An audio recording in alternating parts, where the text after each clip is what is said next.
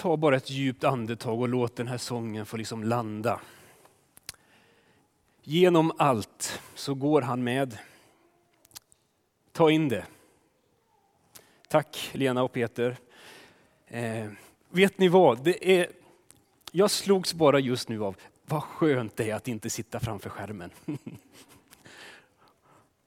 Vilken förmån det är att få, få lyssna till, till det som händer och ta del av det som pågår i rummet. Och vet ni vad? Det är roligt att få predika med människor som sitter framför en. Det är fint. Eh, och här är vi tillbaks igen och ändå inte. Vi och kristna runt om i världen, också i Sverige, försöker hitta tillbaks till någon slags normalitet. Eh, vi är nog inte igenom pandemin än, men vi är på väg. Och här sitter vi, här står vi, här är vi tillsammans idag. Och jag vill ta dig med tillbaks in i eh, det som är vår predikotext den här hösten, Efesierbrevet. En text som så tydligt har två delar. Ett kort brev i Nya Testamentet, sex kapitel, där de första handlar om att vi får vila i Gud. Att vi är välsignade utan att ha gjort något. Vi får av nåd ta emot Guds närvaro i våra liv och hans välsignelse. I tre kapitel så liksom målar Paulus upp det där. Och sen följer tre kapitel då han talar om hur vi kan utifrån nåden också ta steg med Gud. Hur vi kan leva våra liv med Jesus och vandra med Gud och varandra. Det här är liksom den enkla dispositionen. De här sex kapitlen i den här bibelboken som vi läser i höst. Och ni som var med förra veckan vet att vi klev in då riktigt tydligt i den här andra delen som handlar om att vandra med Gud. Och, och, Det finns ju massor med saker man kan plocka upp. Allt ryms inte i en predikan. Men förra veckan så, i den texten så skrev Paulus att tidigare var ni mörker, men nu så är ni ljus i Herren. Lev då som ljusets barn. För ljusets frukt består i allt vad godhet, rättfärdighet och sanning heter ljusets frukt. Det är en av de märkligaste blandningarna av bilder som jag tror finns i Bibeln. Vanligtvis säger vi att ljuset ja, det lyser och, och träd bär frukt.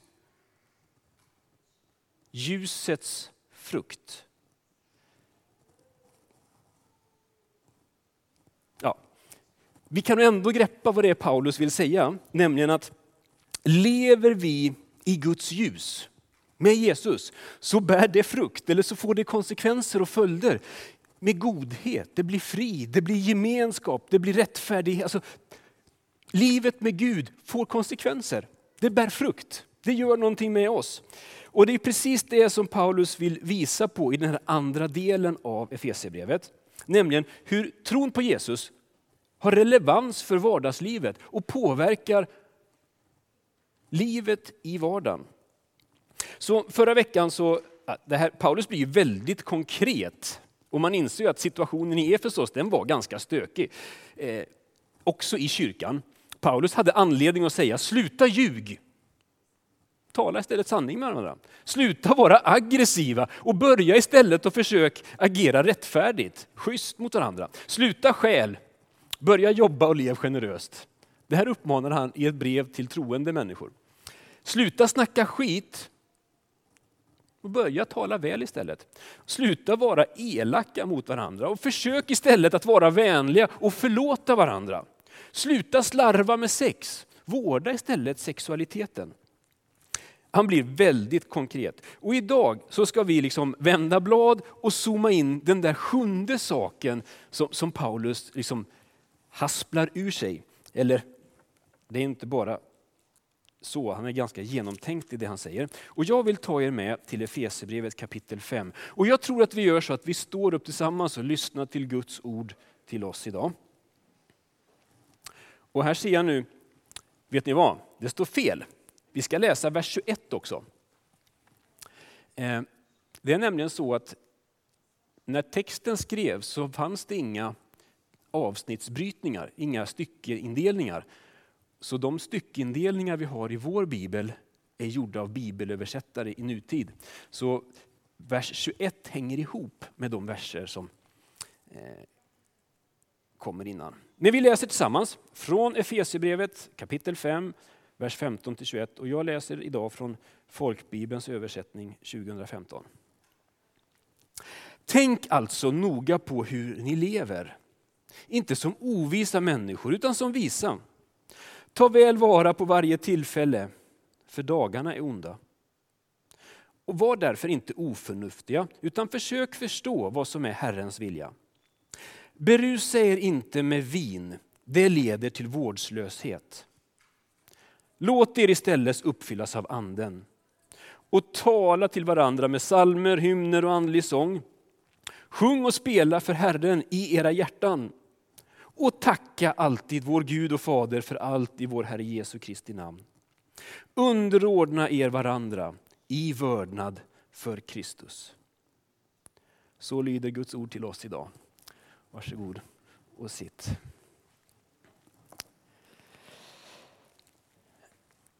I den här texten så levererar Paulus ett alkoholpolitiskt statement. Han säger berusa er inte med vin.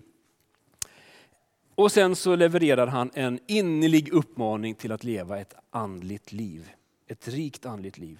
Först skriver han, berusa er inte med vin, det kommer inte att föra med sig någonting gott. Tvärtom, det leder till att du tappar omdömet, det blir knas, du gör dumma saker.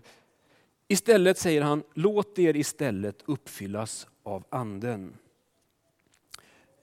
En engelsk översättning har drick djupt av anden. Eugene Peterson översätter drick av Guds ande istället i djupa klunkar. Alltså låt er uppfyllas av anden, drick djupt av anden. Att Paulus ställer de här satserna mot varandra, de här uppmaningarna, det har att göra med att det finns likheter och såklart skillnader mellan att vara uppfylld av den heliga ande och att vara berusad av alkohol. Eh, det finns faktiskt likheter. Den som är berusad behöver inte säga att det är så. Det märks. Det hjälper inte att förneka att det är så. Det märks. Och jag tror att det är en poäng som Paulus vill trycka på. Det märks i en människas liv att han eller hon har mött Gud. Inte så att vi på något sätt agerar dumt eller vårdslöst eller gränslöst i relation till varandra. Precis tvärtom. I en väldigt fin predikosamling, det finns inte så många, men Göran Skytte följde med Bo Brander, präst i Svenska kyrkan under ett år och lyssnade till hans predikningar, skrev ner dem och gav ut dem i boken Ett år med Jesus. Om du inte får nog av gudstjänsterna här så är det här faktiskt en fin bok som kom ut för ett antal år sedan. Och Bo Brander han kommenterar den här texten från Efesierbrevet vid ett tillfälle. Och han skriver så här. Det kan inte hjälpas att jag nu tänker på den älskade svenska kyrkan. Det är den kyrka han verkar och lever och tjänar i. Och jag tänker att jag och vi nog lika gärna kan översätta det här till vårat sammanhang. Evangeliska frikyrkan och, och vad vet jag, kanske Korskyrkan Norrköping med. Bo Brander säger att jag är rädd att vår kyrka, och det är då Svenska kyrkan, är en lättölskyrka. En kyrka där en helig ande finns men i så små mängder att det krävs ett förfinat instrument, en sanktometer, för att registrera förekomsten av den helige ande. Men så är det inte tänkt Gud önskar att hans kyrka ska vara en starkvinskyrka. Det är skönt att det är en svensk kyrkopräst och inte en frikyrklig pastor som säger det. Men en starkvinskyrka där det är påtagligt att de troende har druckit djupt av vad det är Gud har att ge. Drick djupt av den helige ande. Ta in, låt dig uppfyllas av det Gud har att ge. Eh, Ja just det, jag kunde inte med att lägga in den där bilden. Jag tycker den är så vacker. Som Guds barn får vi komma till källan med det levande vattnet och dricka oss, inte mätta, men vad säger man, stilla vår törst. Låt er uppfyllas av anden. Det är en tydlig uppmaning, inte bara en allmänt liksom, förslag. Ursäkta nu, det blir lite grammatiskt här. Det här är en uppmaning i pluralis, alltså till flera, till er, till alla. En uppmaning som är riktad till hela församlingen. Paulus vände sig till troende människor i Efesos. Och man kan ju undra, finns det kristna som inte har den helige ande? Paulus är tydlig. Alla som tror på Jesus, som lärt känna honom, låtit döpa sig och vandra med honom, är fyllda av den helige Ande. Gud finns hos dig. Men likväl så säger Paulus, han uppmanar oss att öppna våra hjärtan och låta oss uppfyllas. Inte för att Gud inte finns hos oss, men för att ingenting är mer naturligt än att dagligen låta sig förnyas av den helige Ande. Och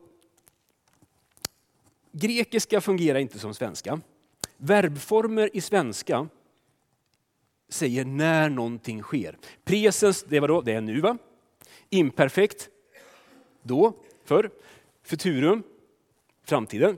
På grekiska finns det ytterligare verbformer, en som heter aurister. Och på grekiska så anger också verbformerna hur någonting sker. Om någonting skrivs i presens till exempel, så är det en pågående handling. Medan hade man valt en aurist, då är det någonting som är avslutat. Han talar, då är det som avgränsat. Eller han talar och håller på. på så.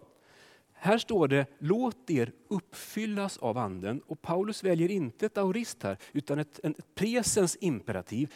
Låt er uppfyllas kontinuerligt, mer och mer. Alltså den oavslutade imperativformen eller verbformen. Och Paulus sätt att uttrycka sig säger oss att uppfyllelsen av anden det är en pågående process. Någonting som har börjat och som får fortsätta. Och budskapet som han vill förmedla det är att vi kontinuerligt, hela tiden, mer och mer, ständigt och jämt behöver låta oss uppfyllas av anden. Det är det vi läser om de tidiga kristna, hur det började på pingstdagen. Tack Elisabeth för inledningsordet som tog oss med till pingstdagen. Men sen fortsätter det i Apostlagärningarna. Läs och du ska se hur gång på gång så uppfylls de. Och när man kommer till kapitel 13 så sägs det att lärjungarna uppfylldes allt mer av glädje och helig ande. Så är det tänkt att vara. Men det finns perioder då det här budskapet tycks komma bort eller tonas ner det finns perioder, kanske i våra enskilda liv, men också i kyrkans historia, då den personliga erfarenheten av den heliga Ande har blivit väldigt liten och kyrkan har, har liksom tappat ork och blivit allt mer utarmad. Och Det som är då så uppmuntrande, det är att Gud är trofast. Han tröttnar inte. Hur mycket vi än vänder oss emot honom eller inte bryr oss, så ger han inte upp. Utan han kommer till oss och till sin kyrka för att uppliva vår kärlek, öka vårt hopp och stärka den tro vi bär. Eh, och Det finns perioder genom hela kyrkans historia då den här karismatiska dimensionen av det kristna livet, vandringen med Jesus, har liksom återupptäckts och förnyats. I början av 1900-talet så var vårt sammanhang, Evangeliska Frikyrkan och pingströrelsen, en sån förnyelserörelse. Men det var inte första gången. Tusen år tidigare, så ja, 900-talet var en sån här period då, då det andliga livet var ganska mycket på undantag. Eh, det här är någon som heter Symeon. Det är den bästa bild jag hittar. Och jag ska inte, det är inget hån mot honom tror jag. Eh, om han såg ut så, det vet jag inte. Men Symeon var en pastor i Konstantinopel på 900-talet. På den här tiden, så, det här skriver Peter Halldorf om i en av sina böcker, han ger historieskildringen att på den här tiden så följde man gudstjänsten och liturgin till punkt och pricka. Alla visste om man skulle stå eller sitta, vad man skulle be eller sjunga eller bekänna. Alltså man visste hur ceremonin var, men det stannade vid det vid en yttre ceremoni. Men den här mannen, Symeon, han hävdade någonting annat. Han hävdade envist att de karismatiska erfarenheterna i en kristens liv är inte bara ett tillval för några få. Det är inget som bara gäller några enskilda. Och I en predikan så utbrister han så här. Och Jag skulle vilja ta det med. Lyssna till ord som talar till oss ifrån det förgångna på ett sätt. Kom inte och säg att det är omöjligt att uppfyllas av Guds ande. Kom inte och säg att det är möjligt att bli hel utan honom. Kom inte och säg att man kan vara fylld av honom utan att känna det. Kom inte och säg att Gud inte uppenbarar sig själv för människan. Detta talade han ut i ett sammanhang när de karismatiska erfarenheterna inte var vad de en gång hade varit. Och han ville vägleda sina vänner, sin församling, in i ett rikare liv med den helige Ande. Låt er uppfyllas av Anden. Låt er uppfyllas. Alltså någonting som vi kan bejaka. Det handlar inte om att vi ska göra något extraordinärt utan att vi ska tacka och ta emot. Låt er uppfyllas av Anden.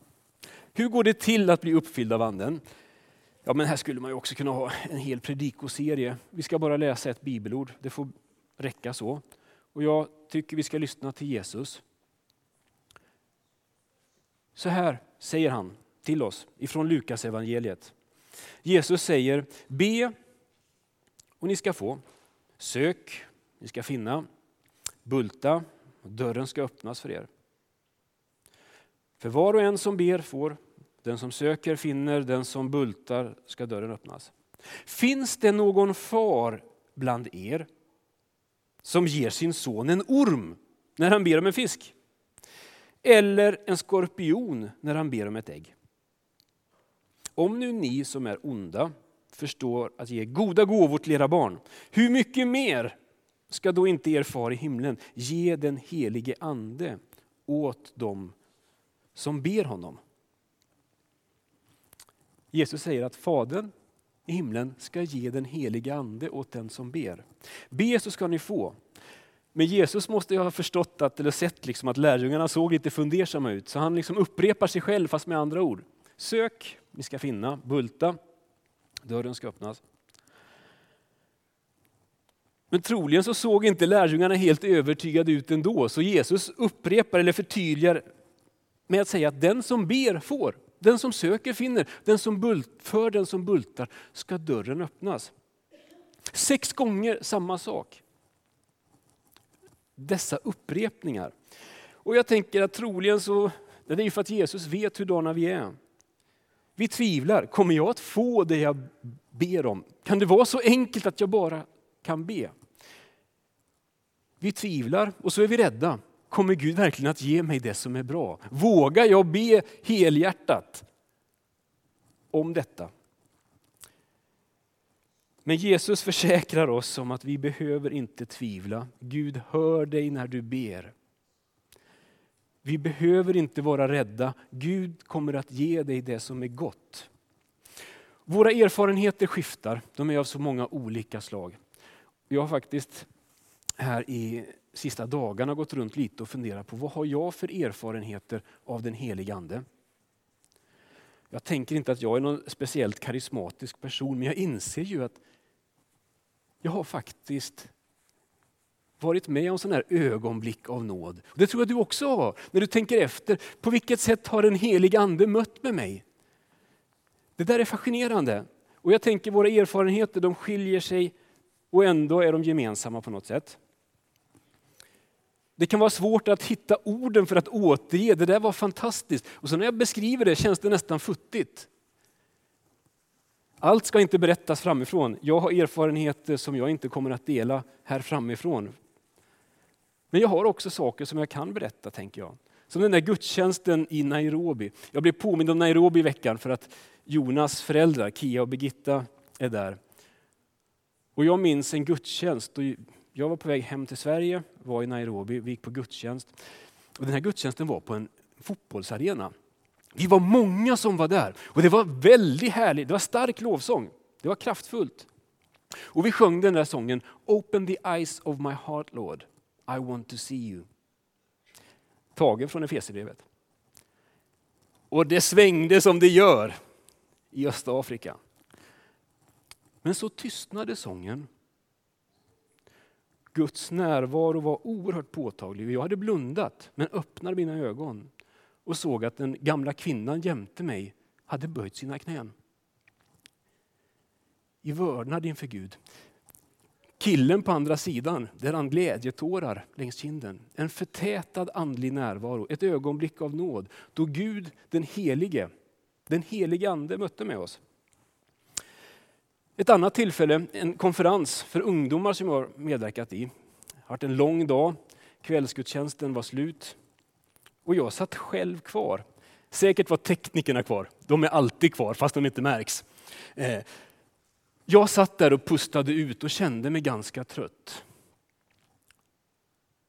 Tänkte väl att nu var här, den här dagen över och klar. Ganska nöjd var jag. Men då är det som att Gud kommer till mig. Anden uppfyller rummet när allt är färdigt.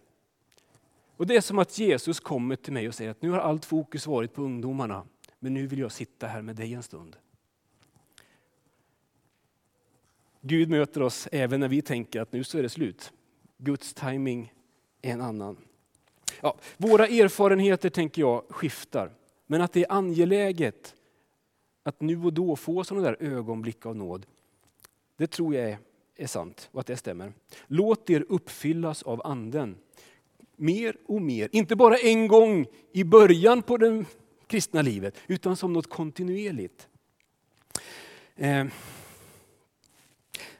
tillbaka igen. En liten, den här satsen, de här verserna är ju grammatiskt uppbyggda så att vi har två imperativ, två uppmaningar. Berusa er inte med vin, låt er uppfyllas av anden, uppmaningar. Och sen följer det fyra stycken particip. Det här blir mycket grammatik idag vänner. Eh, fyra stycken ord Talande, sjungande, tackande, underordnande. Alltså particip som inleder bisatser som förklarar följden av att bli uppfylld av anden. Vad leder andeuppfyllelsen till? Och Mikael Telbe har i något sammanhang där jag var med, när vi jobbade med den här texten, föreslagit den här översättningen. En direktöversättning från grundtexten. Andeuppfyllelsen är meningens huvudsats. Sen kommer de här bisatserna som beskriver resultatet. Låt er uppfyllas av anden så att ni talar till varandra med salmer och hymner och andlig sång. Så att ni sjunger och spelar för Herren av hela ert hjärta. Så att ni tackar vår Gud och Fader för allt i vår Herre Jesu Kristi namn. Så att ni underordnar er varandra i vördnad för Kristus. Uppfyllelsen av anden gör något med oss. Den skapar en gemenskap. Kristen andlighet gör oss inte introverta eller självupptagna, utan öppnar våra ögon för varandra. Och vi börjar tala och sjunga till varandra. Vi börjar tala om Guds godhet och vilja, om hans kärlek och nåd. Där anden möter med oss så uppstår också en gemenskap. En uppmuntrande gemenskap, en uppbyggande gemenskap. Där anden uppfyller människor så väcks också tillbedjan till liv. Anden väcker en slags helhjärtad lovsång där det inte är ceremoni utan personligt. Där kyrkan av, så anden är ju körledaren i Guds församling. Som med sin närvaro väcker något i våra hjärtan. Och hjälper oss att spela och sjunga för Herren av hela hjärtat. Anden väcker en tacksamhet i våra liv. Det händer när vi möter, vad stod de lärjungarna? Jo, de uppfylldes allt mer av glädje och den heliga Ande. Anden, när anden möter oss så väcks en tacksamhet till liv. För livet, för kaffet jag fick i morse, för de fina höstfärgerna, för Guds omsorg i det lilla och stora, för hans löften. Det finns en en mängd variationer, men där anden kommer så skapas gemenskap, tillbedjan, tacksamhet. Och så trillar detta märkliga ner, att där anden uppfyller människor så uppstår också ett slags ömsesidigt underordnande. Anden hjälper mig att avstå från att hävda min rätt, min egen rätt till varje pris. För att istället likt Jesus han som ägde Guds gestalt men inte vakade över sin jämlikhet med Gud, utan avstod från allt och blev som en av oss. Det här är raka motsatsen till de härskartekniker som vi hör om och som vi känner till. Det här är ett helt annat förhållningssätt. Ingenting som vi kan kommendera andra att göra, men ett förhållningssätt som vi kan välja att kliva in i, i tacksamhet och vördnad till Kristus. Utifrån att vi är fyllda av anden. Det finns en ömsesidighet i det här. Underordna er varandra i vördnad för Kristus.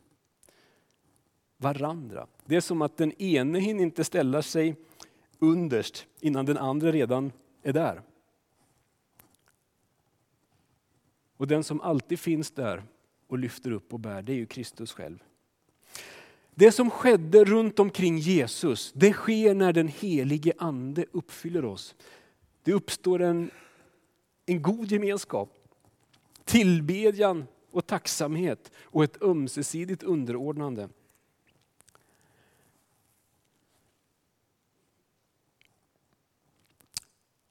Det finns många olika uttryck för det här med att uppfyllas av anden.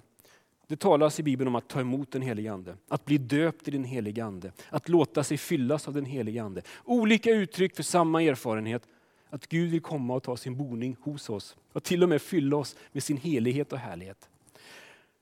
Det är en angelägenhet för alla människor. Det är någonting vi får be om och ta emot. Och idag så vill vi, jag och Daniel som pastorer här i kyrkan vara med och be för dig och för er. Daniel som varit sjukskriven ett tag kommer att börja jobba igen. Lite försiktigt, det, ja, det, det är vi glada för. Och idag så tänkte jag så här, när vi firar nattvard, det är ju länge sedan, men ni kommer ihåg att det finns något som heter nattvard. Då, då går man fram och så får man ta emot av brödet och vinet. Vi firar inte nattvard idag, men jag och Daniel kommer att stå här. Och när vi sjunger lovsång så får du gärna komma fram. Och då kommer vi ju be en kort bön för dig om att du ska uppfyllas av den helige Ande. Det vill vi göra. Vi vill be tillsammans med er. Så den möjligheten finns idag. Sen kommer också Charlotte att finnas nere vid vår böneplats. Om det är något annat som du skulle vilja att någon bad med dig om, då är det Charlotte du får komma till. Hon finns nere vid vår böneplats. Och som alltid så går det att stanna upp i egen bön här vid korset, eller där du sitter eller står. Men Lena och Peter, vill ni komma fram och leda oss i några lovsånger? Är du trött får du gärna sitta. Men om du känner att det ska vara skönt att sträcka på dig så gör det. Vi sjunger några lovsånger tillsammans. Daniel, välkommen fram. Och här är vi inför den Gud som inte bara är upphöjd över allt utan också har valt att komma nära för att ta sin boning i oss. Tack Jesus för ditt ord till oss idag. För din uppmaning att låta oss fyllas av den heliga Ande. Hjälparen som du sänder till oss. Livgivaren. Och när du talar Herre så vill vi gensvara. Ja, jag vet inte hur den här predikan har landat hos oss alla.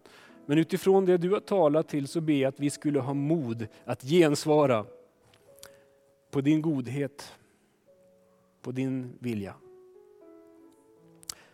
Det ber jag om i ditt underbara namn Jesus. Amen. Amen.